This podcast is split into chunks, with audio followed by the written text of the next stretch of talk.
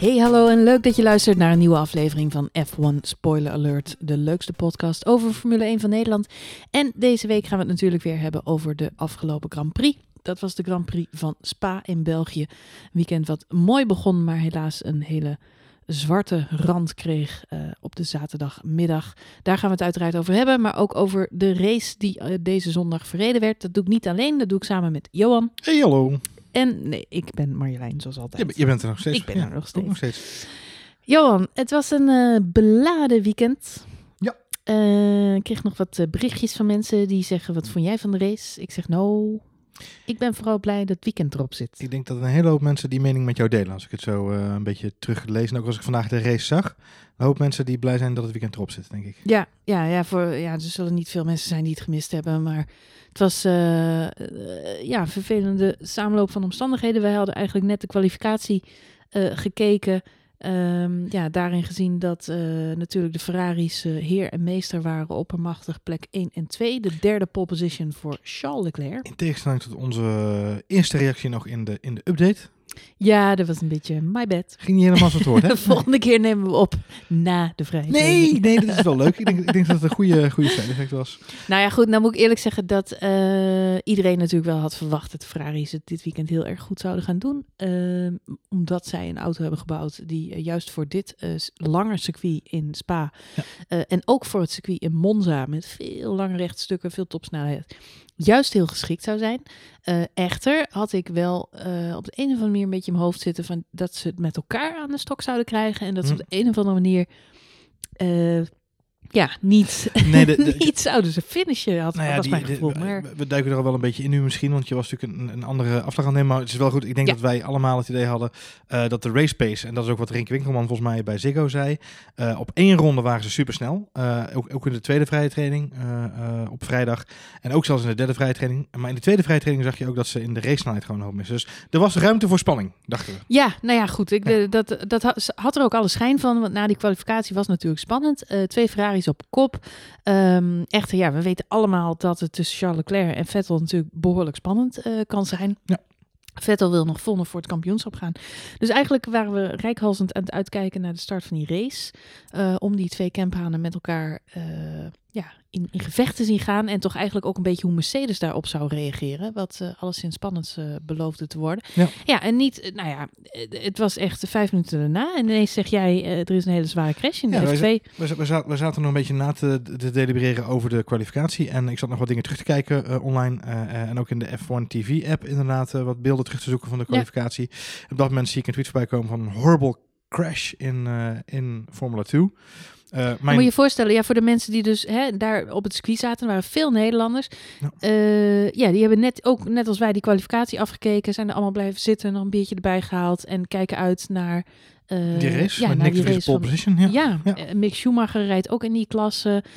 De zoon van Jean Alesi, Giuliano Alesi, die rijdt ook in die klasse. Met andere woorden, best wel wat bekende gezichten. Nick de Vries inderdaad, noem je al. Nou ja, en Antoine Hubert, een van de... eh, ja, eigenlijk Grote talenten. Grote talenten. Absoluut. Dit, ja, we wisten natuurlijk nog niet zoveel van hem. Hij zat nog een beetje in de limelight, zullen we maar zeggen. Hij was een... ehm, Debutant. nee, ja, nou, ik wou zeggen, hij zat in het juniorprogramma van ja. Renault. Oh ja, ja, ja. ja. Eh, zijn grote droom was wereldkampioen Formule 1 worden Hm. met Renault.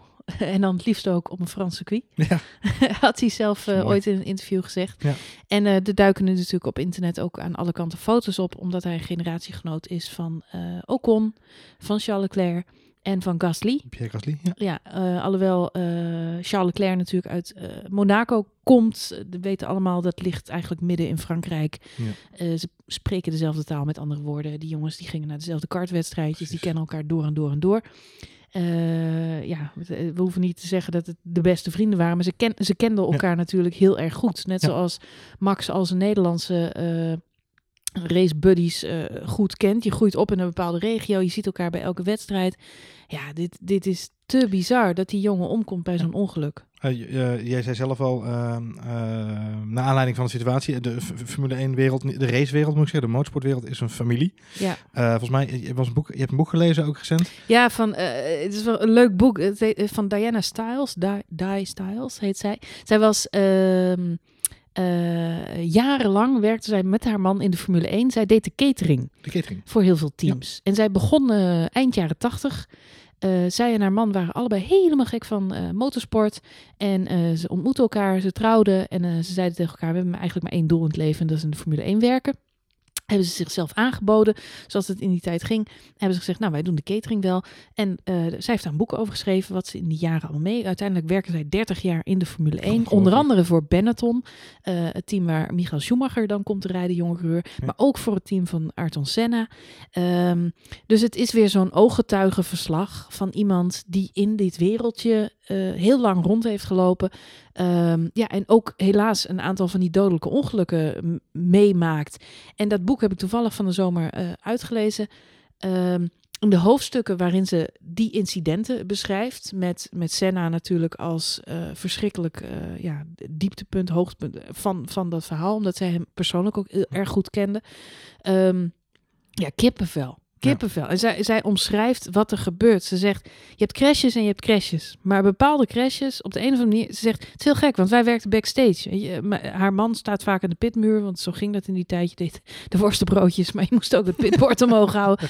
Ze zegt, maar ehm, op het moment dat zo'n crash gebeurde... dan daalde een soort ijzige stilte over het hele circuit neer. En iedereen in de pitstraat wist van de hoe en de wat. Ze zegt, en vaak was het zo als het een van onze jongens was die erbij betrokken was, de vrouw of vriendin in kwestie, die zat bij ons. Die zat bij ons, weet je wel? Ja, ja, nou ja, wij zaten daar eh, een beetje te babbelen of, te- of thee te drinken of te keuvelen, terwijl die jongens lekker aan het racen waren. En ineens, ze zegt, je merkte het, je voelde het, de tijd stond stil, er was paniek.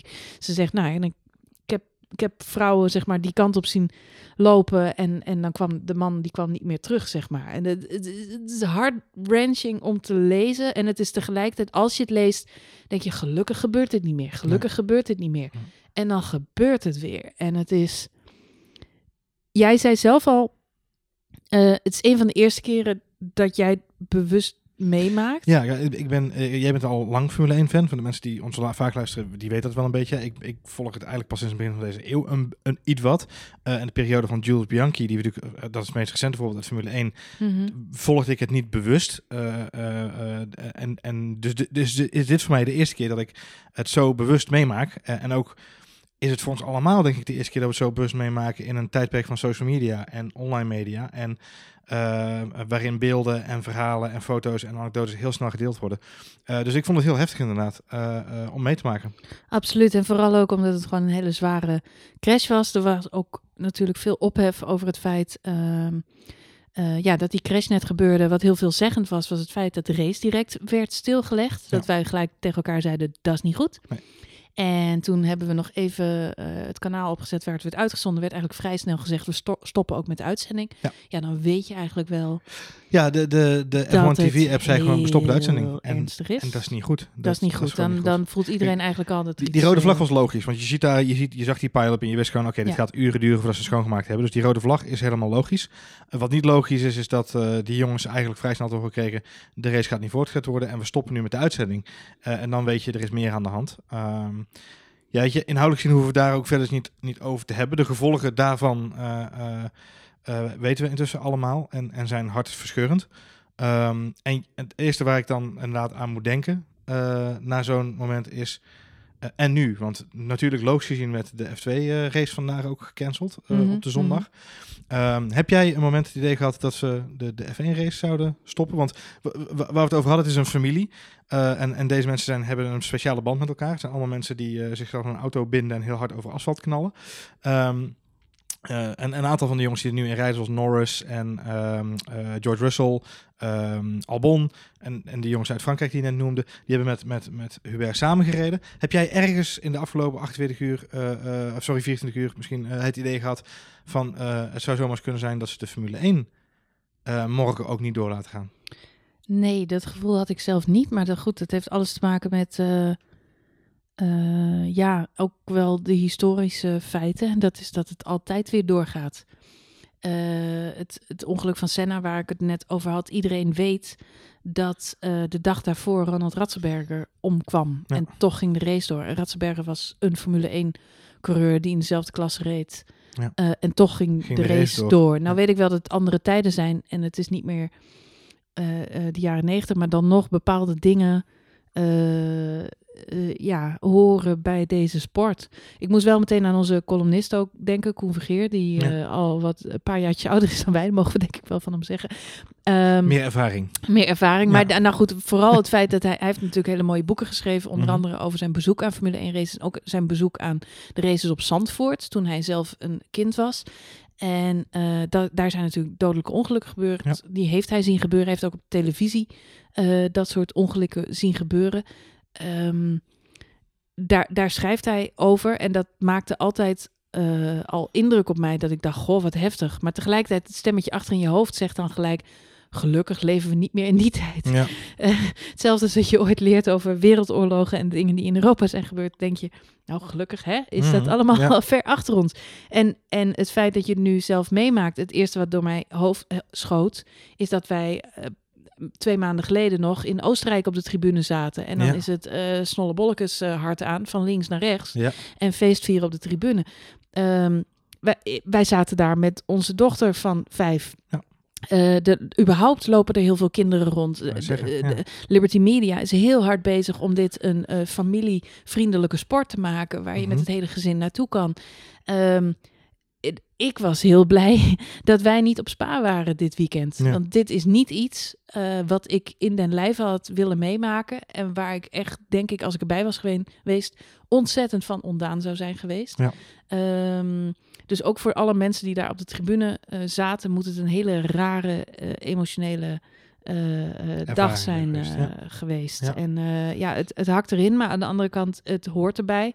En het is van alle tijden. Het Ja. is geen gegeven dat het nooit meer gaat gebeuren. Nee. Ehm, eh, ja, de, de, de crash, ik hoef, ik hoef hem niet meer terug te zien. Nee. Maar eh, eh, ja, het, het kan gewoon gebeuren. Ieder, het scenario is bekend. Oh, Spa heeft eh, grote hoogteverschillen. Eh, dus je hebt gewoon te maken met blinde bochten. eh, als daar coureurs heel hard eh, Ja. ja. op, een, op een terugkomende Nee, auto die ja. het circuit weer opkomt inrijden.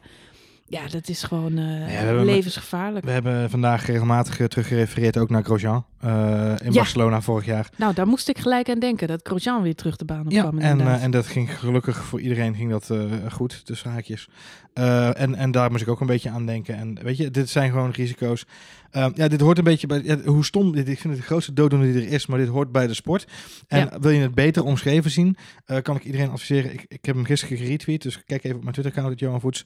Ehm, eh, een, een stuk geschreven door de chief editor van de BBC Formule 1, de Formule 1 eh, hoofdredacteur van de BBC. Heeft een heel goed stuk geschreven over.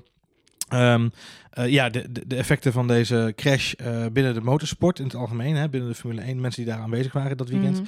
Uh, en hij omschrijft daarin heel goed wat ik ook denk, is deze mensen die in deze sport werkzaam zijn, zeker de mensen die daadwerkelijk in de auto stappen, zijn van een ander, uit een ander soort hout gesneden. Ja. Um, en, en zijn zich aan de ene kant heel erg bewust van de risico's die ze nemen. Aan de andere kant worden ze af en toe ook met hun neus te feit gedrukt. En Um, dat maakt ze zo speciaal. En, we, en, ja, en wij als fans ook. En dat was Ja. ook een beetje de realisatie die ik gisteren weer had. Dat je op een gegeven moment toch Formule 1-kijker bent.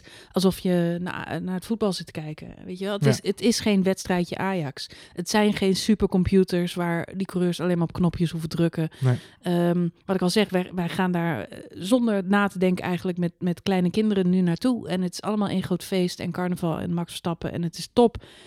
En dit was wel een hele uh, harde les. Ja. Dat dit nog steeds een uh, ja, levensgevaarlijk is als je niet. Uh, uh, ja, nee, goed, je kunt het niet voorkomen. Nee. De, Prost heeft nog gezegd van dit is het bewijs dat Formule 1 nog steeds veiliger kan. Ja. Ik denk ook dat het waar is, want nou neem bijvoorbeeld de Halo. Er was nog een derde coureur ja. bij betrokken. Ik ben even zijn naam kwijt, maar hij komt uiteindelijk met de schik vrij. volgens mij was het Sato. Um, omdat hij uit uh, zijn auto weet te komen. Hij belandt op de kop na Hm. dit ongeluk. Ja. Uh, maar schuift eigenlijk over de baan op die halo. Met andere woorden, hè, als hij die niet had gehad, Ja, ja, wie weet zeker. de gevolgen dan nog veel erger geweest, Nee, ook zeker. voor hem. Dus uh, ja, Nee, ja, er zijn nog steeds Ja. verbeteringen denkbaar. Die Halo hebben we pas twee jaar. Iedereen vond hem foei lelijk. Maar ik denk toch, Oh, ook bij Charles Leclerc destijds... Ja, ja, precies, vorig jaar nog. Ja. Ehm, heeft hij toch alweer zijn meerwaarde bewezen. En Nee. eh, dus er- ergens ben ik wel met Prost eens. Je moet, altijd, je moet nooit je erbij neerleggen. Het Nee. kan altijd nog veiliger. Was dit te voorkomen? Mm, ja, dat denk ik niet. Dat is moeilijk inschatten. Dat is moeilijk en ik moest ook een beetje denken aan het Duitse meisje eh, Sofia Vloers, is Och, geloof ik, hè? Man, Die daar in Macau eh, gelanceerd werd en gewoon headfirst in de, de lokale bitterballentent ge- gelanceerd werd. Hm. En ehm, weet je, daarvan, die stapt ook uit. En weet je, ze was wel zwaar geblesseerd. Maar ze zit intussen weer in een auto. Ze rijdt gewoon weer eh, in de Formule regionaal, rijdt ze de, de, de wedstrijdjes. Dus het is, het is heel moeilijk. eh, het, het blijft, ja nee, het, het hoort- blijft bij de sport horen. Het is zo'n dooddoener waar ik eigenlijk omheen wil. Ehm, waar ik heen wilde en wat ik wilde zeggen is, je merkt dus dat die jongens in de Formule 1 keer wel degelijk eh, geraakt waren. Eh, vandaag ook nog, hè, tijdens de race. Ja. Een hele ceremonie erbij. Waarbij ik me pas later realiseer dat inderdaad de, de, de moeder van, van Antoine Hubert en zijn broer er volgens mij bij waren. Ja. Ehm, dat heeft al die coureurs er wel een beetje overheen geholpen, als ik het zo een beetje eh, begrijp. Want ik begreep van Daniel Ricciardo, die had niet eens zin om eigenlijk te gaan racen vandaag. Nee, Eh, wat ik ook, wat ik ook, nou ja, goed, ik noemde net al dat incident met Senna en Ratzenberger. En ik had ook de hele dag gisteren nog dat gevoel, omdat eh Ratzenberger natuurlijk ook op zaterdag gebeurde. En ik, ik denk dat bijna iedereen die naar ons luistert ooit de documentaire Senna wel eens gezien heeft. Ik zag hem toevallig laatst weer een keer op televisie. Ja. Wat heel erg opvalt in die film is eh, eh, de gemoedstoestand van Ayrton Senna na dat ongeluk met Ratzenberger. Hij twijfelt, hij weet het niet. Hij heeft met Sid Watkins, de, op dat moment de dokter in de Formule 1, nog een heel gesprek van... Sid, ik weet het niet. Misschien moet ik morgen niet starten. Misschien moet ik het niet doen. En Ja. achteraf denk je, had het niet gedaan. Had het niet gedaan. En tuurlijk, het, het feit... Senna heeft in principe geen fout gemaakt. Het is, het is een technisch probleem, waardoor Ja. hij uiteindelijk ook dodelijk verongelukt. Dus het had niks uitgemaakt, maar het zat wel in zijn koppie. En daar zat ik gisteren heel erg mee. Dat ik dacht, jeetje mina man, al die jongens, al die jongens, het zit allemaal in hun koppie. Weet je, om heel eerlijk te zijn, toen Max Verstappen vandaag in de eerste bocht uit de race eh, viel, uitstapte en terugliep naar de pits, was ik eerlijk gezegd een beetje opgelucht. Ja. Omdat ik nou, hè, hè, die jongen die kan even lekker kopje Nou, ja. thee drinken. eh, ja, En het is heel raar, maar ik vond dit de minst erge uitvalbeurt van Max Verstappen ooit. Ik denk dat er heel weinig mensen eh, heel rauwig zijn geweest. Om, ik denk, nee, laat ik het anders zeggen. Ik denk dat een heleboel coureurs vandaag blij waren dat erop zat. Eh Ricciardo heeft ook gezegd hè, na afloop. eh, hij zei van, ik, ik had gisteravond echt het idee, waarom doe ik het eigenlijk? Onderaan de streep. Ja, natuurlijk is het ons beroep, natuurlijk is het ons werk. Maar onderaan de streep zijn we nog steeds maar gewoon stel maloten die een auto een rondje Heel hard in een rijden auto rondjes rijden. Ja. hij zegt, Hij zo zegt- is het ook. En, waarom? En, waarom, hè, weet je wel? En ik denk dat een hele hoop jongens met die gedachten hebben, hebben rondgelopen de afgelopen tijd. Zeker iemand als Lewis Hamilton, die daar inderdaad heel gevoelig voor is. Eh, Ook een Charles Leclerc natuurlijk, die al de nodige tikken te ver gekregen heeft gehad. Eh, en wat, wat Daniel Ricciardo ook zei, is, ik, hij zegt, ik heb het niet met andere mensen over gehad, maar ik weet, ik, ik kan me zo voorstellen dat meer jongens op de grid denken. Ik zag Max bij, bij Jack Ploy staan en die was zo berustend in de situatie. En, en zo, zo van, weet je, oh, ja, weet je, prima, dit is gebeurd, klaar, eh, door naar de volgende. Ehm, en hij schijnt ook naar andere media ook gezegd te hebben, eh, in ander licht bezien, weet je, in de licht van het hele weekend bezien, is dit niet zo heel erg dat ik nu uitval. Weet je, Nee. mijn uitvallen is het minst erge wat er dit weekend gebeurd is. En Ja. eh, eh, relativeren is dan zo gedaan. En ik denk dat dat voor een heleboel jongens geldt. Nee, ja, goed, dat ben ik helemaal met je eens. Eh, aan de andere kant geldt wel dat met name Charles Leclerc, waar we het natuurlijk even uitgebreid over moeten hebben, want het was zijn eerste overwinning vandaag, eindelijk. Ik heb vandaag ook de Ferrari rode microfoon plopkap. Heel Speciaal mooi. nou, we gaan het zo uit natuurlijk Ja. even hebben over wat er daar nou allemaal gebeurde. Want er was ook nog een hele spannende race. Die kregen we uiteindelijk wel. Ja. Eh, ondanks dat Max uitviel en dat er een beladen weekend was, hebben we toch echt een, eh Een leuke race. Ja, tactisch ook echt een spannende race gezien. Maar eh, iemand als Charles Leclerc, die heeft natuurlijk de afgelopen jaren sowieso de nodige knoutjes meegemaakt. Jules Bianchi was ook een hele goede bekende van hem. Was ook zijn peetvader, als ik het me goed heb laten vertellen. Ehm, zijn vader is twee jaar daarna, geloof ik, overleden. En dan nu weer eh, Antoine Hubert, die die ook goed kende. Ehm, ja, eh, weet je, sommige mensen, die, die, die, Ja. gebeurt ook wel van alles om ze heen. En dan vind ik het meer dan knap. En hij heeft het zelf ook na afloop gezegd, want hij heeft ook gereden eh, de dag nadat zijn vader eh, overleed. Ehm, hij zegt, ja, er gaat een knop om. En het, het is er nog wel, maar het verhuist ook naar ergens achter in je brein. En eenzelfde soort statement heeft Valtteri Bottas ook gegeven. En er zijn nog een aantal coureurs die dat gezegd hebben. Op het moment dat je daar op die eh, startopstelling staat, dan is het toch een kwestie van eh, dit wat er gebeurd is verpakken in een heel klein doosje. En even helemaal achter in je hoofd Ja. schuiven. En gewoon die volledige focus, volledige focus op eh, ja, het rijden Het van rijden van rondjes en et cetera. En eh nou, petje af voor hoe ze dat vandaag gedaan hebben. En helemaal voor Charles Leclerc. Ja. Die echt zijn hoofd heeft koel gehouden. Zeker. Eh, eigenlijk behalve het incidentje in de eerste tien rondes dat hij even een chicane mist, Ja. geen fout heeft gemaakt. Eh, ja, heel, heel strakke, goede race. ongelooflijk. En ik ben oprecht benieuwd, eh, maar dan misschien zo nog even over hebben, is in hoeverre hij daarbij geholpen is door zijn team en door zijn teamgenoot. Ja. Ehm, maar goed, dat is, dat is voor later. Nee, nogmaals, 20 coureurs vandaag, denk ik, het maximale gepresteerd. Misschien niet allemaal op de baan, maar wel mentaal. En, eh, en dat is denk ik heel speciaal En ik denk dat ze net als wij heel blij zijn dat dit weekend voorbij is. Ja, dat ze naar Monza dat ze kunnen. naar huis kunnen. Ja. En dan komt Monza eigenlijk al wel weer heel erg snel volgend weekend. Ja. Eh, maar goed, dit is nu afgesloten. Ja. En ehm, Nee, we hadden het net al even over. Het zorgt er ook voor dat we door kunnen met z'n allen. Ja. Ehm, en eh, ehm, je merkt heel sterk dat iedereen heeft er moeite mee. We hadden het net heel even over toen we eh, het over de situatie hadden. Je merkt heel sterk dat mensen, eh, niet alleen wij als, als eh, pundits van deze sport, maar ook de, de coureur zelf en de mensen binnen het team en de PR-afdelingen van de teams. Ze hebben allemaal moeite om hier een draai aan te geven. En hoe kunnen we nou toch zorgen dat? En we willen niemand tegen het verkeerde been schoppen. En, en dus is het heel goed dat we vanaf donderdag weer naar de race kunnen gaan kijken. En dan mag er weer een andere bril op voor de meeste mensen. En dat we mogen het nooit vergeten, laten we dat vooropstellen. En, en dat zal ook vast niet gebeuren. Uh, maar we Nee. kunnen wel weer met een, een race mind gaan kijken naar dingen. En dat is denk ik voor iedereen fijn. Ja, laten we het hopen. En eh, laten we ook voor die eh, andere coureur die bij eh, ongeluk be- betrokken was en nog Ja. steeds in het ziekenhuis ligt, hopen dat hij er wel goed vanaf komt. Nou, dat hoop ik inderdaad ook heel sterk. Want het vervelende vind ik aan deze situatie. Fijne die het ook even te- nog even te, te sprake brengt nu. Ik vind het heel erg moeilijk. Ik kan nergens iets vinden hoe het met die jongen gaat. En, Nee. ik, en ik denk, zijn familie, zijn ouders. ehm, en eh, we hebben het over mensen die dit gezien hebben of die erbij betrokken waren. En ik ben heel erg met mijn gedachten bij die jongen, die dus de rest van zijn Ja. leven moet meemaken. Dat hij in die auto zit die daar rechtdoor schiet. En die dus niks kan doen. Hij is ook passagier in zijn eigen, in zijn eigen auto.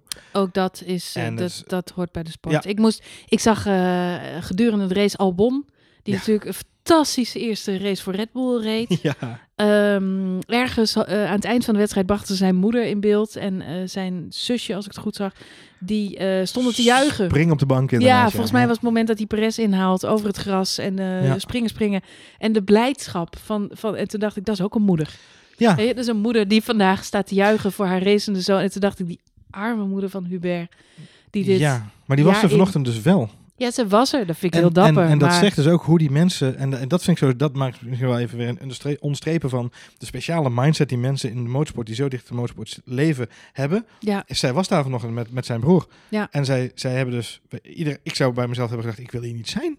Ik wil hier zo snel mogelijk weg. En, en, maar zij willen daar, zij willen bij die coureurs zijn en met die mensen. En ze willen, ik weet niet of ze het wilden per se, maar ik bedoel meer van, ze halen daar ook iets uit voor zichzelf. Ja, nee, ik, ik ga er ook een beetje vanuit dat je geleefd wordt van dat moment. Maar goed, voor, Ja, hè, voor moeders hebben natuurlijk altijd wel een speciaal plekje in mijn hart. Het wordt ook Ja. in die Netflix-documentaire zien we een tijdje eh, volgen ze de moeder van Daniel Ricciardo, Ja. die met dezelfde issues Spanning worstelt. En zegt, ja, elke keer dat dat joch in die auto stapt en daar het circuit op gaat, sta ik doodsangst uit. Want die, die moeder die zegt het heel mooi. Die zegt, ehm, vroeger gingen we naar het racen. Eh, want hè, mijn man en mijn zoons, iedereen was fan van, van het racen. Dus we Ja. gingen naar de Formule 1 en we stonden daar Lekker te kijken. kijken. Ja, en dan zag ik op tv, zag ik die moeders langskomen en dan had ik met ze te doen. Dan dacht ik, oh god, je zoon zal maar in zo'n auto zitten. Ze zegt, en nu ben ik er zelf heen. En ik, en ik heb nog Ja. steeds met ze te doen. Ik zie die moeder van Alpon vandaag springen. En dan denk je, ja, zo mooi kan het zijn. Zo trots kun je zijn. Moeder van Max is er natuurlijk ook, Sofie is ook heel Ja. vaak bij. En eh, staat daar ook vol trots eh, te kijken. En, en dan zie je de moeder van Hubert vandaag. En dan denk je, ja, Zo dicht het bij eh, elkaar. Maar goed, Ehm, dat. Ja. De Ik race. denk dat we naar de race moeten gaan kijken. De race. Er was eh, een start. ja. Er was een start. En eh Er was er was een einde wederom... voor een eh, race van Max Verstappen. er was niet zo'n goede start. Wat de hel is er aan de hart met die, stand, die start van Max Verstappen? Ik heb geen idee, maar wat mij wel opviel, en ik weet niet hoe jij dat ervaren hebt, of onze luisteraars die nu met, met ons meeluisteren, die lampen gingen zo verrekte snel uit. Ik heb dat in tijden, volgens mij één keer eerder, ehm, eh, drie races terug, niet, niet na Oostenrijk kwam, nou, dat was eh, Duitsland. Daar gingen ze ook zo snel uit. Nee, is Silverstone. Was het Silverstone? Ja, je hebt gelijk. Maar daar gingen ze volgens mij ook zo snel uit. Ja, maar er mag nog steeds geen excuus zijn voor het feit dat Max Verstappen Nee. elke keer zijn start verprutst. Ja, het is verschrikkelijk. Het is verschrikkelijk. Ik Het weet is niet echt heel erg. En hij wil ook geen antwoord geven op de vraag. Want het, eh, Jack Ploy die vroeg het hem nog wel naar de race. Hij zegt van, eh, het was geen goede start. Nee, ik weet ook niet precies wat daar gebeurde. Ja, maar ik kon het nog wel denk- goed maken. Ik denk dat ze het wel weten. Hij, hij, bedoel, dus, dus, Nou, er is eerder gezegd dat zijn auto zo agressief staat afgesteld voor die start. Dat als het niet, als, hè, als je hem net niet goed perfect. aantikt. Ja, het Exact. moet perfect. En als het niet perfect is, dan heb je een butstart. Maar hij heeft het elke. Hij heeft het elke keer. Ja. En het, is, het probleem is, als je dus dan verpest en je wilt corrigeren, dan krijg je te maken met de wielspin die, waar hij dus mee te maken had. En verlies je nog meer tijd onderaan de Nou goed, en dat, dat is dan het volgende wat er gebeurt. Want hij verliest echt vier of vijf plekken. Hij zegt, iedereen komt hem eh, links voorbij, zeilen. Ja, ja. Nou ja, en dan, en dan, eh, om heel eerlijk te zijn, ik vind dat toch wel weer een typisch Max Verstappen incidentje. Ja, Dat hij eh, ja, ervoor kiest om die binnenkant te pakken. de binnenkant te pakken, Ja. heel laat te remmen. Kimi zit er ook. Het is ook voor de mensen die de beelden van 2016 hebben gekeken. Het is precies dezelfde situatie als 2016 met Kimi Räikkönen. Horner noemde het een action replay. Ja. Ja, nou, het is te bizar. Maar ja, goed. Toen eh, komen ze er wel ongeschonden uit. Nu lanceert hij Kimi Räikkönen. Dus iets heeft, Hij, wie is hij deze tikte daar ook idioot? Rijkonen toen aan. Maar Rijkonen kreeg een beuk van, eh, van Vettel. Nou ja, wat, ehm, eh, kijk, het, in eerste instantie is mijn is reactie... gevaarlijk. Mijn eerste, mijn eerste reactie naar jou toe was... Ah, hij, hij, mag daar gewoon, hij mag daar gewoon zitten. En weet je, ehm, eh, waar kan hij anders heen? Want hij heeft Perez achter zich en Norris komt eraan en Bottas remt daarvoor. Dus hij kon nergens anders heen. En dat, bleef ik eigenlijk wel redelijk standvastig bij. Terwijl ik eigenlijk wat beter moet weten. Want normaal gesproken ben ik altijd iemand die daar in eerste instantie goed naast zit. En dat bleek nu ook weer. Ehm, want in de helikopterbeelden achteraf is heel goed te zien. eh, eh, die we iets later zagen. Dat Perez super laat remt. Om, die ziet ook van, oké, dit gaat mis. Rijkonen je ziet- duikt, dat- du- duikt die lijn Ja. in. En Perez gaat op de rem. En Ja. gaat nog helemaal van, Ja. van rechts Van naar rechts. helemaal van rechts, naar helemaal, helemaal naar naar links. En- Hij denkt 2016, Räikkönen en Verstappen. Aha, ik heb jullie door. Ik ga er niet bij zijn. Checo raam- is out of here. Hij had nog even een... eh, hij checkt het even uit. Hij checkt het uit. Eh, hij had het al een tijdje geleden zien aankomen. Ja, nee, maar hij gaat helemaal van Nee, maar het is echt heel komisch. Je moet het inderdaad nog een keer terugkrijgen. Want Checo Perez, die zie je echt denken, ah, ah, no way. Dus die, die stuurt echt helemaal naar links. Die is weg uit dat gebiedje. Het mooie is, Norris, die dus eigenlijk op de lijn zit waar Verstappen had moeten gaan zitten. Want Mm. Norris komt later aanrijden. Ja. Dus als Max op de rem was gestaan, had hij op die plek gezeten. Ja. Die kan uiteindelijk door die bocht heen en pakt P6, P5, 5, 6 uit mijn hoofd. Heeft een hele goede start. Daar terug, omdat hij aan de binnenkant zit en de ruimte er daar gewoon is, omdat Rijkonen daar intussen gepasseerd is. En wat Vasseur, de teambaas van Alfa, terecht zegt eh, na afloop is, Max had het helemaal niet moeten doen daar. Het slaat helemaal nergens op. Max had het niet moeten doen. Nou, en- en dan ga ik niet zeggen dat Max daar een hele grote fout maakt. Eh, want hij Nee. gaat voor een gat. Precies. Kimi Räikkönen snijdt hem ook wel heel erg eh, close aan. Ja, aan de andere Kimi kant, weet niet dat is. Nee, Kimi weet niet dat hij er is. gewoon een racelijn. Die ziet hem niet. Max Verstappen zegt het zelf na afloop van de race ook. Hij zegt, ja, hij wist waarschijnlijk niet dat ik daar was. Nee, dat klopt, Max. Eh, Kimi gaat er niet vanuit dat jij daar nog rechts in, in zijn gaatje Nee. eh, kruipt. Eh, ondertussen gaat de rest van het veld allemaal buitenom. Daar heeft hij geen last van. Hoe haal je het dan in je hoofd om zo laten rennen? Hij, heeft, eh, hij, hij is uit de race. Hij kan niet verder. eh, dus hij heeft zijn straf wel gehad. Ja. Eh, ik vond het een beetje zo'nzelfde situatie als destijds met Ocon. Ja. Waarop hij de race verliest. Dat ik denk, waarom nou Max? Weet je wel, het was zo'n...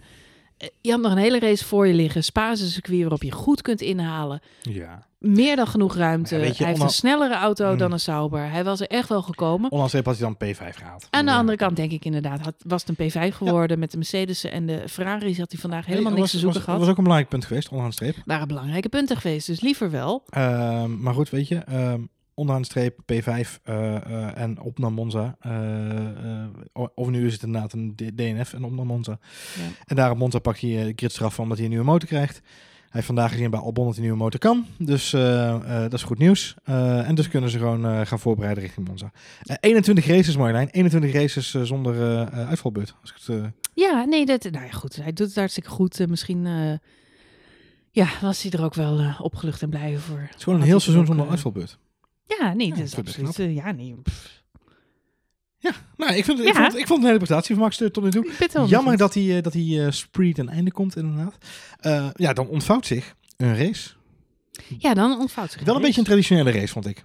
Ik in eerste instantie had ik van, dit kan nog wel eens een hele saaie race worden. Mede vanwege nou, het lichtbezien van het hele weekend. Iedereen misschien toch wat voorzichtiger. Ja. Eh, die eerste bocht maakt dan gelijk een einde aan die illusie, want iedereen beukt tegen elkaar aan. Volgens mij ging Magnussen nog even bij eh Ricciardo aan de achterkant naar binnen.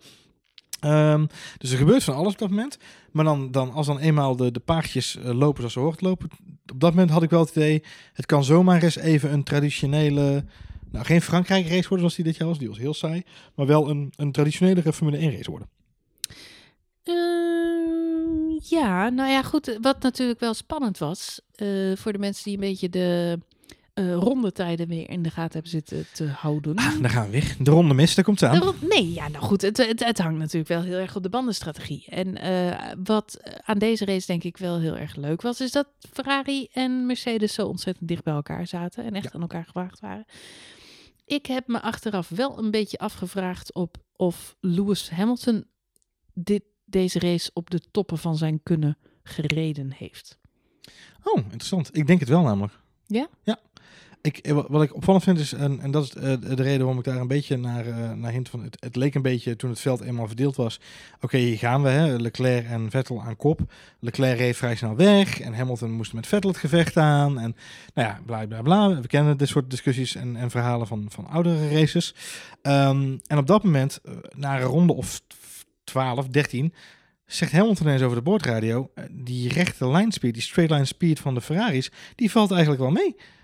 We blijven eigenlijk wel aardig bij. En, eh, en op dat moment realiseerde ik me dat wat er ook ging gebeuren, Hamilton zijn best ging doen om in ieder geval richting podium te kruipen en P2 eigenlijk te pakken. Ja, wat mij heel erg opviel in het begin van, die, van de wedstrijd, is dat eh, sowieso het veld heel dicht op elkaar bleef.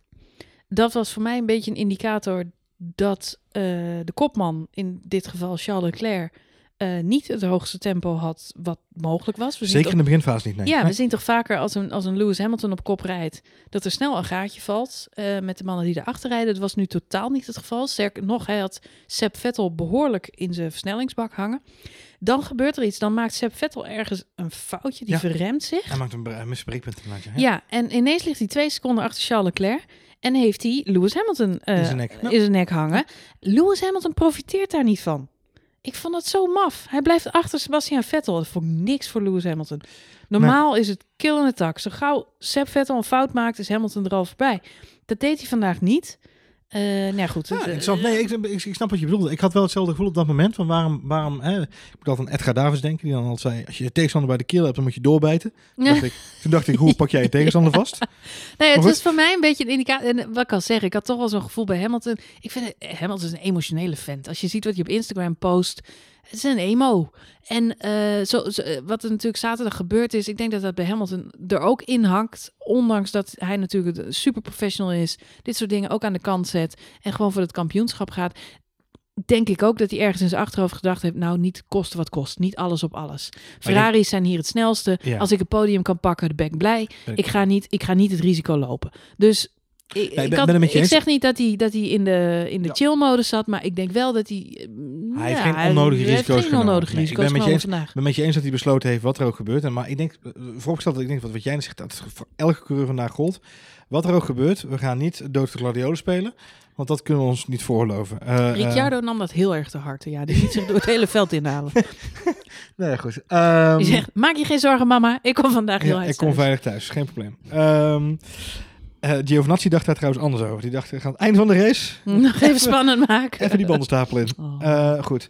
toen is goed ehm. Ja, dat Dat is een goede race. Ander, ander verhaal. Ehm, nee, Hamilton, eh, Hamilton liet inderdaad niet het achterste van zijn tong zien. Ehm, ik denk alleen wel, zeker in die laatste fase van de wedstrijd, waarin hij wist dat hij nog voor die overwinning kon gaan, dat hij dat wel degelijk geprobeerd heeft. Misschien op de laatste twee, drie rondes na. En ik denk dat toen wel het beetje het, het gevoel is ingezakt van, ja weet je, laten we gewoon voor P2 gaan. Ehm, eh, en zorgen dat we die punten binnenhalen en het kampioenschap verder consolideren. Dan moet ik ook zeggen dat alles natuurlijk eh, te maken had eh, met die strategie van Ferrari. Want om heel eerlijk te zijn ben ik daar wel behoorlijk ingetuind vandaag. En ik denk meer mensen. Ik zag denk ook- mensen, Ik ja. denk op Twitter dat er een hoop mensen waren. Wat, Toto Wolf onder andere. Ja. ja, want wat was namelijk het geval? Eh, Mercedes eh, deed een dummy. Die kwamen even naar buiten. Of in elk geval, nou, of het een dummy was, eh, valt te Mag, of, mag officieel niet, hè? Dus, eh, Maar goed, ze kwamen even naar buiten. Zo van, we gaan iets naar binnen halen. Bij Ferrari stonden ze ook meteen klaar. Bam, wat gebeurt er? Sebastian Vettel wordt naar binnen gehaald. Ja. Eh En wat zei ik tegen jou? undercut. Undercut. En daar gaan we. Vettel wordt weer naar voren gebonjourd. Ja, natuurlijk. Ja. En dat gebeurde ook, want het duurde nog geen eh, fractie van een seconde, rondetijden app er weer bij, eh, om te constateren dat Seb Vettel op die nieuwe bandjes vele malen sneller was dan Charles Leclerc. Charles Leclerc moet nog een heel eind doorrijden. Krijgt wel over de boordradio te horen push, push, push. Ja. Maar ja, Seb Vettel op nieuwe banden, die 1 à 2 seconden per ronde sneller is, dat ga je niet houden. Ik, ik moest lachen. Seb Vettel komt met een flinke marge voor Leclerc 2,5 te seconden. Ja, ja, ja, ja. Ik moest heel erg hard lachen. Ze begonnen over de boordradio. eh, Charles, plan E, plan E. En toen dacht ik, oh, we gaan het alfabetspelletje weer spelen bij Ferrari. We beginnen bij plan A en we eindigen ergens bij plan Z. Misschien dat ze bij Q eindigen dit jaar, of deze race. Maar ze, ze gaan natuurlijk alle plannen door. Het grappige is, Vettel hoor je niks van de boordradio. Geen plannen, geen strategie, helemaal niks. Dus Charles, plan E. En Charles zegt, oké, dankjewel, plan A, we gaan ervoor. En twee ronden later zie je Vettel naar binnen gaan. Ik zou dan als Charles Leclerc denken, wat de fuck? Nou, en ik, ik, ik twitterde ook en er waren meer mensen die zoiets iets zeiden. Van, eh, Charles Leclerc komt uiteindelijk dan de baan weer op achter Vettel. Ja. Eh, en dan ben ik eigenlijk wel gewend dat er een boordradiootje komt waarin Charles Leclerc zegt, what the fuck? Why are we behind Vettel? Why are we behind Vettel? Nou, die kwam niet. Dus eh, toen had het misschien ons Hij is misschien wel gekomen, we hebben hem niet gehoord. Maar Nou, zou ook Zou zou ook. Maar in elk geval, het is opvallend. En wij dachten allemaal thuis op de bank, ze hebben het weer gedaan bij Ferrari. Eh, Sebastian Vettel wordt gewoon te alle tijden voorgetrokken. Ja. Eh, en moet kosten wat kost die wereldkampioen van Ferrari worden. En Charles Leclerc is daar weer eens de pineut van.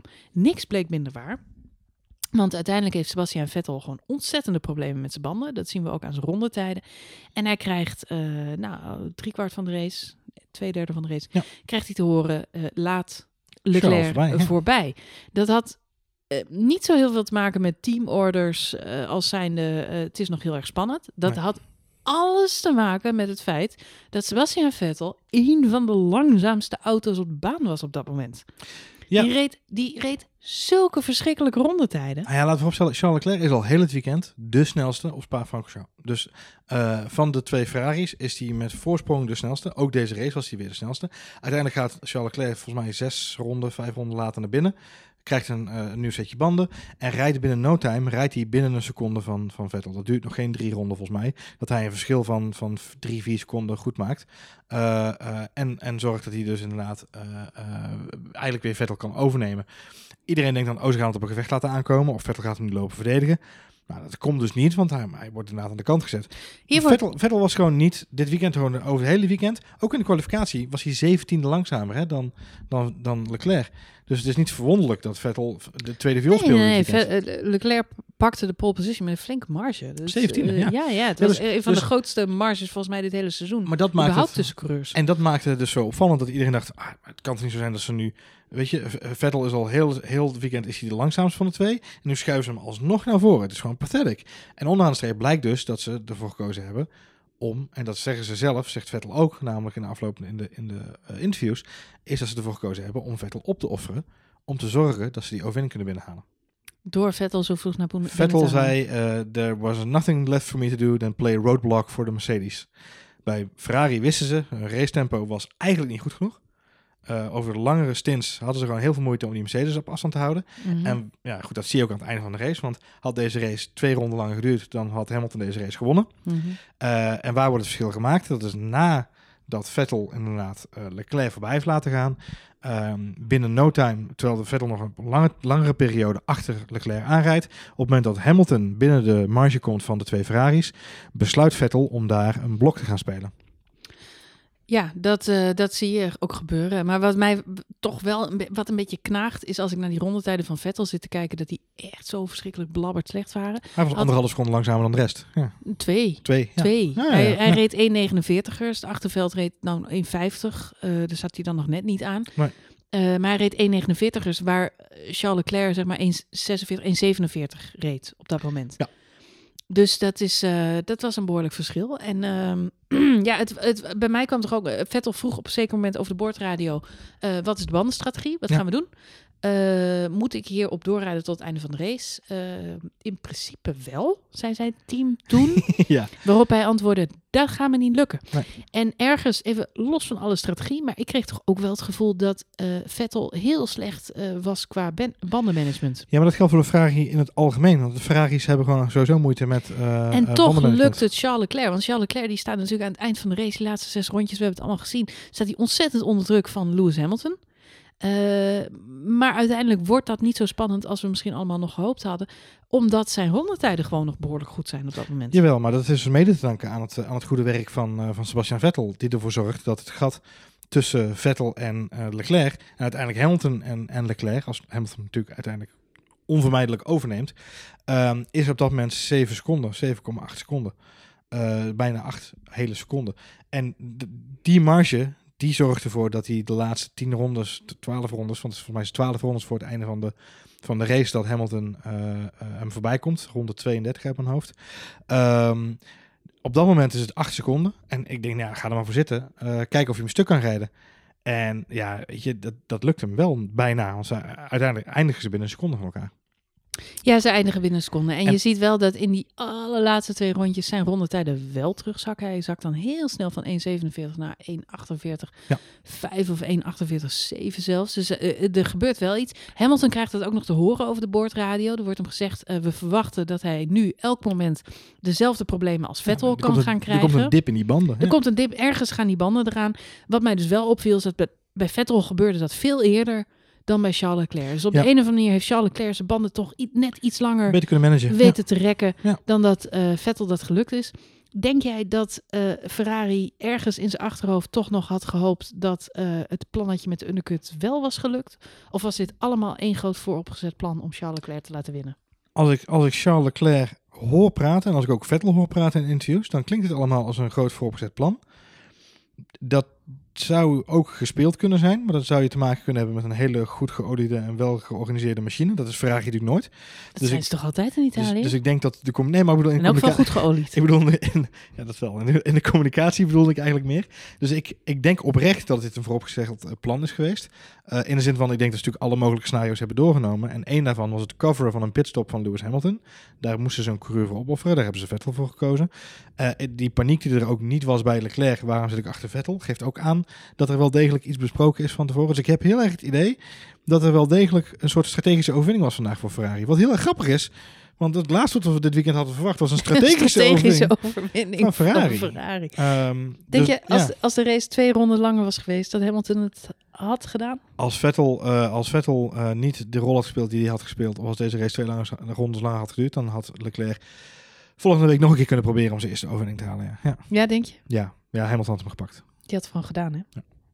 Ja, ondanks het feit dat jij denkt dat hij niet op zijn best was. Ik denk dat Hamilton onderaan de streep is een, eh, is een omnivoor. En die wil gewoon eh, wel gewoon op momenten die kan proberen Om, te pikken. om, om, Behalve als, inderdaad, als het onnodig risico is, zoals nu. Hè, dus eh. Mhm. vier tiende geloof ik aan het einde van de race. Eh, eh, was het Kevin Magnussen geweest eh, die op de plek van Lewis Hamilton had gezeten, dan had hij nog een of andere desperate move gedaan misschien. Of was het Max Verstappen geweest, dan had hij misschien nog een gekke eh tovermanoeuvre tevoorschijn gehaald met een turbo knop ergens. Eh, Lewis Hamilton niet, die kiest ervoor om te zeggen, weet je wat, eh, gefeliciteerd Charles, je hebt het verdiend. Eh, en ik knijp met mijn handjes met mijn tweede plek. Het was goed zo. Ook als daar Vettel had gereden, was ook nog een- hetgene wat ik me ook nog realiseerde. Eh, kijk, Leclerc staat op een ver genoeg afstand. En, en Vettel feitelijk natuurlijk ook onderaan de streep. Mhm, mhm. Maar ik denk dat als Vettel daar had gereden, dat Lewis Hamilton nog wel twee keer had nagedacht van oké, wil ik hem wel die overwinning gunnen? Want dat is dan wel weer een soort van spanning. Want ja, hij ziet misschien toch Vettel nog veel meer als concurrent dan, dan Leclerc op dit moment. Ja, ja, ja, terwijl Vettel eh, eh, Leclerc in punten Nu aantal bijna niet evenredig zo- zijn. Ja, Ja, ja, ja. niet echt Goed, maar het verschil was dus eh, vijf, eh, dik 20 punten voor vandaag. Ja. Het was een eh, beladen eerste overwinning. Er zijn veel mensen die na afloop zeggen: het is eh, fijn en terecht dat eh, Charles Leclerc vandaag heeft gewonnen. Ehm, ik denk ook dat het zo is. Ik begreep ook dat Pierre Gasly voor de race nog tegen hem gezegd heeft: van win deze vandaag voor Antoine. Ehm, we hebben inmiddels ook allemaal de foto's gezien van de moeder van Hubert die Charles Leclerc voor de wedstrijd nog een, een, knuffel, een Ja. knuffel geeft. Ehm, ja, het, ik denk dat het goed zo is. Ehm, Zonder dat we daar al te veel een, eh, een- een drama van, eh, van moeten maken. Eh, het cirkeltje is, is rond, voor zover het rond kan zijn. Want onderaan de streep Ja. is dit natuurlijk geen eh, mooi weekend geweest.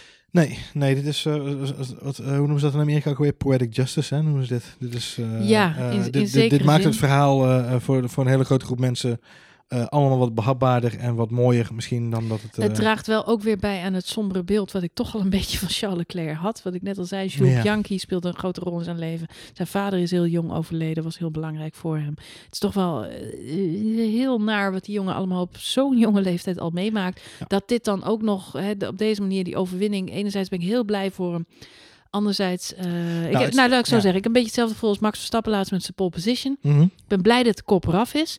Ik gun hem nu wel eh, ook wat meer vreugde en mooie momenten en, en overwinningen waar, Ja. waar toch ook een, een lach aan eh, vasthangt. Ja, weet je, het, is, het, is, ehm, eh, het, het geeft zoveel meer glans aan zijn prestaties tot nu toe. Als je net opsomt wat hij allemaal heeft meegemaakt en wat hij dan Ja. nu presteert. is het tweede jaar Formule 1. Hè? Laten we ook dat voorop even vooropstellen nog een keer. ten overvloede aanhalen. Het geeft zoveel meer glans aan zijn prestaties. Ehm, eh, die zien we nu met z'n allen niet, omdat er inderdaad deze zweem omheen hangt. Ehm, en dat is heel vervelend voor niet alleen voor ons, maar ook voor hemzelf inderdaad. En het is te hopen dat hij inderdaad zo snel mogelijk gewoon ook eh, hele toffe races en mooie races gaat winnen. eh, die niet zo beladen zijn en waar geen andere sferen omheen hangen. Ehm, nogmaals, die jongen kan hartstikke goed racen en we, we geven vaak op hem af ook in deze podcast. Maar het is wel fijn dat hij hem heeft. En ik, ik zei het vandaag op Twitter. Het is fijn dat hij hem heeft, want anders, het is een jongen van 21. Ehm, als je die overwinning niet pakt, en ik zei het in de zomerstop nog tegen jou, eh, als hij niet een overwinning pakt heel snel na de zomerstop, dan wordt het een heel tergend vervelend tweede seizoen zelfs voor Ferrari. Eh, want het gaat aan zo'n jongen vreten. Het gaat in elke sport te vreten als het niet komt wat je wel, waar je wel recht op hebt. Dus ik ben heel blij voor hem en, en ook voor Ferrari en uiteindelijk onderaan de streep voor de motorsport. Dat Ferrari vandaag weer een overwinningspak heeft gehad. Ja. Ehm, ik vind het wel vervelend voor Vettel, want die heeft er nu officieel een jaar lang geen mee gewonnen. Dus Ja, dat klopt. Dat is een jaar geleden. Nou goed, volgende week Monza. Dat, ik, eh, het zou mij toch verbazen als de Italianen niet nu ervoor gaan zorgen dat Vetteltje Monza pakt. Dat was vorig jaar natuurlijk al een beetje de bedoeling. Toen eh, greep Räikkönen op het laatste moment mis. Ja, Kimi inderdaad. Ja. En won Lewis Hamilton tot grote onvrede van de tifosi. Dit is daar 1 boeiend 2 onder het podium stonden. Uit mijn hoofd. Ze deden daar een 1 2 toch? Met Bottas. Ja. Dat zou goed kunnen. Räikkönen stond duidelijk wel op het podium. Of weet dat in Duitsland? Nou weet ik het niet meer. Maar goed, ik weet nog dat ze ergens... Nou ben ik even... Ik ben het even. Rijkonen gaat daar af op zijn, eh, Nee, op zijn, op zijn overwinning. Maar dat gaat niet door. En uiteindelijk wint hij gelukkig in Amerika nog. Dus Ja. het kwam allemaal goed met Rijkonen. Het is allemaal goed gekomen met Het is Rijkonen. allemaal goed gekomen. Behalve vandaag. Behalve vandaag, dat ging niet helemaal goed. Hij was wel weer een flying fin. Hij was duidelijk een, duidelijk een flying fin. Flying. Goed, ehm, nou ja, goed. Het eh, raceweekend zit erop. Eh, we hebben de twee na jongste Grand Prix overwinnaar aller tijden. 21 jaar jong was hij. We gaan op naar de eerste overwinning van Lando Norris, Marjolein. Ja, dat zou leuk zijn Ja, inderdaad. wordt Hoe oud is Lando Norris? Maar die, die zijn allemaal ouder Oh. nog dan Max. Eh, ja, iets.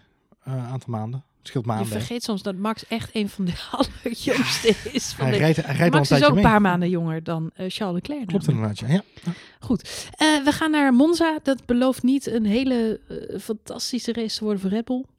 Nee, ja, goed. Behalve als Albon weer zo'n magistrale prestatie neerzet. Ja, nou, de, oh man, we hebben het niet eens over de, rest hebben, van het... want we eh, hebben twee, we hebben twee, we hebben, als Albon dit doorzet, dan hebben we gewoon weer twee Red Bulls die meedoen. eh. Albon reed wel echt een goede race. Ik denk dat ze bij Red Bull ook een goede strategie hebben gekozen. Ze hebben natuurlijk die motorwissel, de motorupdate gehad.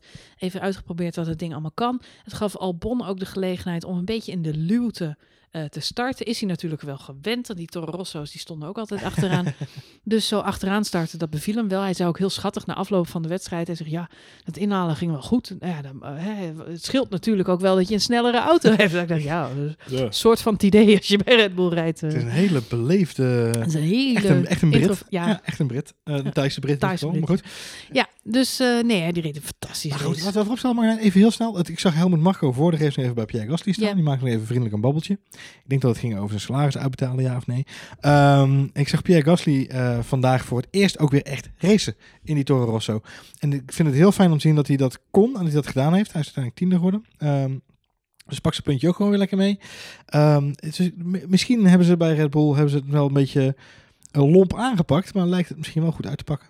Het lijkt goed uit te pakken. Maar de vraag is natuurlijk wel, wie, wie van de drie? Die van de drie. Wie van de drie Altijd Alonso. eh, Kies altijd voor Alonso. nou, dat denk ik zeker niet. Oh, dat wil je niet. Maar goed, ik ben benieuwd. Als Albon dit vol weet te houden, dan gaat hij dat stoeltje naast, eh, naast Max pakken. Zou spannend zijn.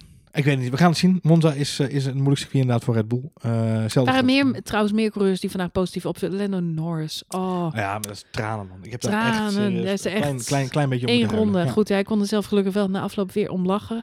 Ja, maar dat is wel Eh, een boer met kiespijn zeg. Goedemorgen. Ja, vijfde, vijfde. Uiteindelijk valt hij ook op één plekje na buiten Ja. de punten. P11 elfde. Ja. Plek, heel erg sneu. Het is heel zuur inderdaad. Ah, Giovinazzi, die er dan inderdaad uh, ja, Giovinazzi reed ook een tijd van de race, want die, die haalde een aantal mensen in. Deed Ja. hij hartstikke goed Heb, uiteindelijk. heb jij nou al achterhaald, dat is op- ten tijde van het opnemen nu nog niet, van mij nog niet duidelijk. geval. Heb jij nog iets gelezen over wat de reden nou was die daar zo doorschoot?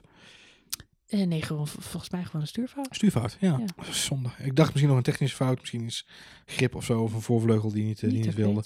Nee. Nee, nou goed, dat maakt het dubbel zo zuur. Kimi Räikkönen's race die was wel behoorlijk vernacheld. Die is geloof ik nog twee keer binnen geweest. Ja, dus dat, maar ik zijn vloer er was nog Zijn vloer was inderdaad. inderdaad Ja. helemaal naar. Dus hij is niet laatste geworden. Dat was De Renaults. Marjolein. De Renaults. De Renaults. Ik zei op een gegeven moment tegen jou... Waar is Nico Hulkenberg? 13. Waarom rijdt Nico Hulkenberg 13? Ja. Dan weet je, je ziet het hele veld, zie je... Omdat, omdat Daniel Ricciardo dat met 12 rijdt. Ja, Ja. maar je ziet het hele veld, zie je, zie je zeg maar eh, omhoog komen, inhaalacties maken. Wat ik al zeg, Spa is een fantastisch circuit om in te halen, mooie dingen te laten zien. Ja. Die Renaults die gingen geen kant op. Nee, positief dit Die weekend. zaten daar maar Perez en. Stroll van eh, Sport Pesa Racing Point. Tra- nou, zelfs Stroll was op een gegeven moment betrokken bij inhaalacties. Die haalde maar- Ricciardo keurig in. Ja. Nou ja zeg. Nee, nou, dus, eh, Ricciardo die had ook een stel banden onder, eh, waar die helemaal niks mee kon. die had ze op schaats gezet vandaag. Ja. Ongelooflijk. Dus dat was helemaal niks. En eh Magnus had trouwens een beetje hetzelfde probleem, want die viel steeds verder, steeds verder, steeds verder terug. Die hadden ze in een koffiemolen gezet. Ja. Ja, dat je op een gegeven moment denkt van, goh, we zullen hem toch maar eens naar binnen Ja, halen. Maar Olaf dat zie je toch die Olaf Mol rijdt rondetijden. Die jongen reed al 10, 15 ronden.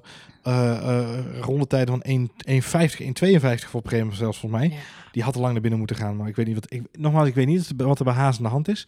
Eh, daar spelen volgens mij een hoop dingen op de achtergrond die wij allemaal niet Misschien was meekrijgen. het ook weer een vorm van data verzamelen.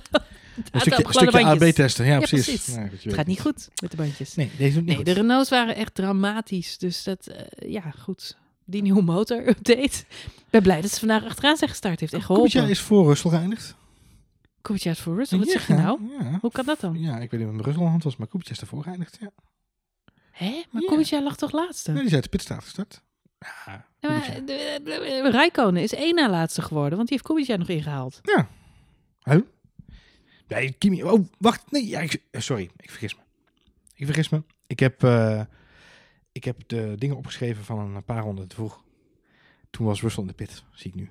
Sorry. Mijn notities zijn niet helemaal bijgewerkt. Marjolein, spijt. Ik wou net zeggen, het gaat George Russell niet meer overkomen dat hij achter Kubica voor het geval er nog disqualificaties plaatsvinden Ja, nee. en die een punt kan pakken. Pas op, zeg. Ja. Goed, Dus, ik zal de eh, volgende keer mijn notities wat beter bijwerken. Je hebt helemaal gelijk. Goed, eh, het, wa- het was een spannende race en we hebben weer wat ups en downs gezien. Maar ik denk dat iedereen vooral blij was dat het erop zit. We gaan door naar Monza, wat een supersnel circuit is. Eh, ja, de Ferrari zult het daar snel doen. In elk geval in de kwalificatie, maar in de race, dat is dan nog even de vraag. Gaan we, gaan we nog een update doen deze week, Marjolein? Of uh, Eind van de week. Ja, Eind van de week? Ja, proberen? Even kijken, laten we laten we zullen we het gewoon weer tijdens de vrije training doen? Kijken of we dan weer gaan... eh, Of er dan weer Weet je je voorspellen nog uit je hoofd? Want ik heb, het, ik heb de notitie hier niet. Oh joh, mijn Maar volgens mij zaten we er alle twee compleet naast. Dus eh, Ja, ik heb gezegd dat eh, Max Verstappen zou winnen. nou, dat heeft hij ook wel een soort van... Als je hem op zijn kop zet. ja, was de eerste uitvaller van de wedstrijd. Nou, dat is ook een overwinning. En ik dacht twee Mercedes op het podium. Dus het is niet helemaal gelukt. Eh, twee Mercedes is wel gelukt, ja. Oh, sorry. Ja, twee Mercedes is wel gelukt. Ja, ik, bedoel Leclerc. Zei ik Verstappen? Nee, ik bedoel Nee, Leclerc. ja, sorry. Tuurlijk Half, ging Leclerc winnen. zoals we bij WTF1 zouden zeggen, half a point. Half point. Goed. We gaan naar, eh, we gaan naar Monza. We gaan het We meemaken. gaan naar Monza. We gaan eh, ons opmaken voor de volgende race.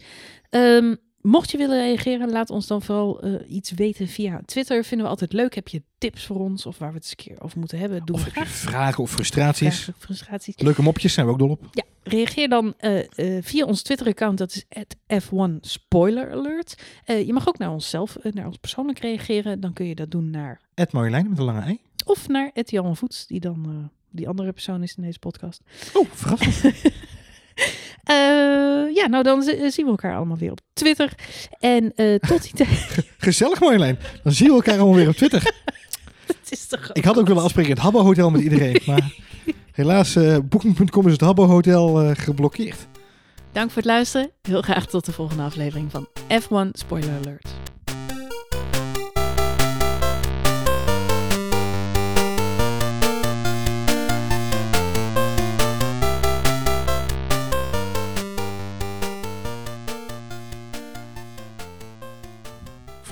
Beste outro ooit, Marjolein. Ja toch? Ik, eh, bestaat het Habbo Hotel eigenlijk nog? Geen idee, ik ga het nu googlen. Ik zit net even in Second Life.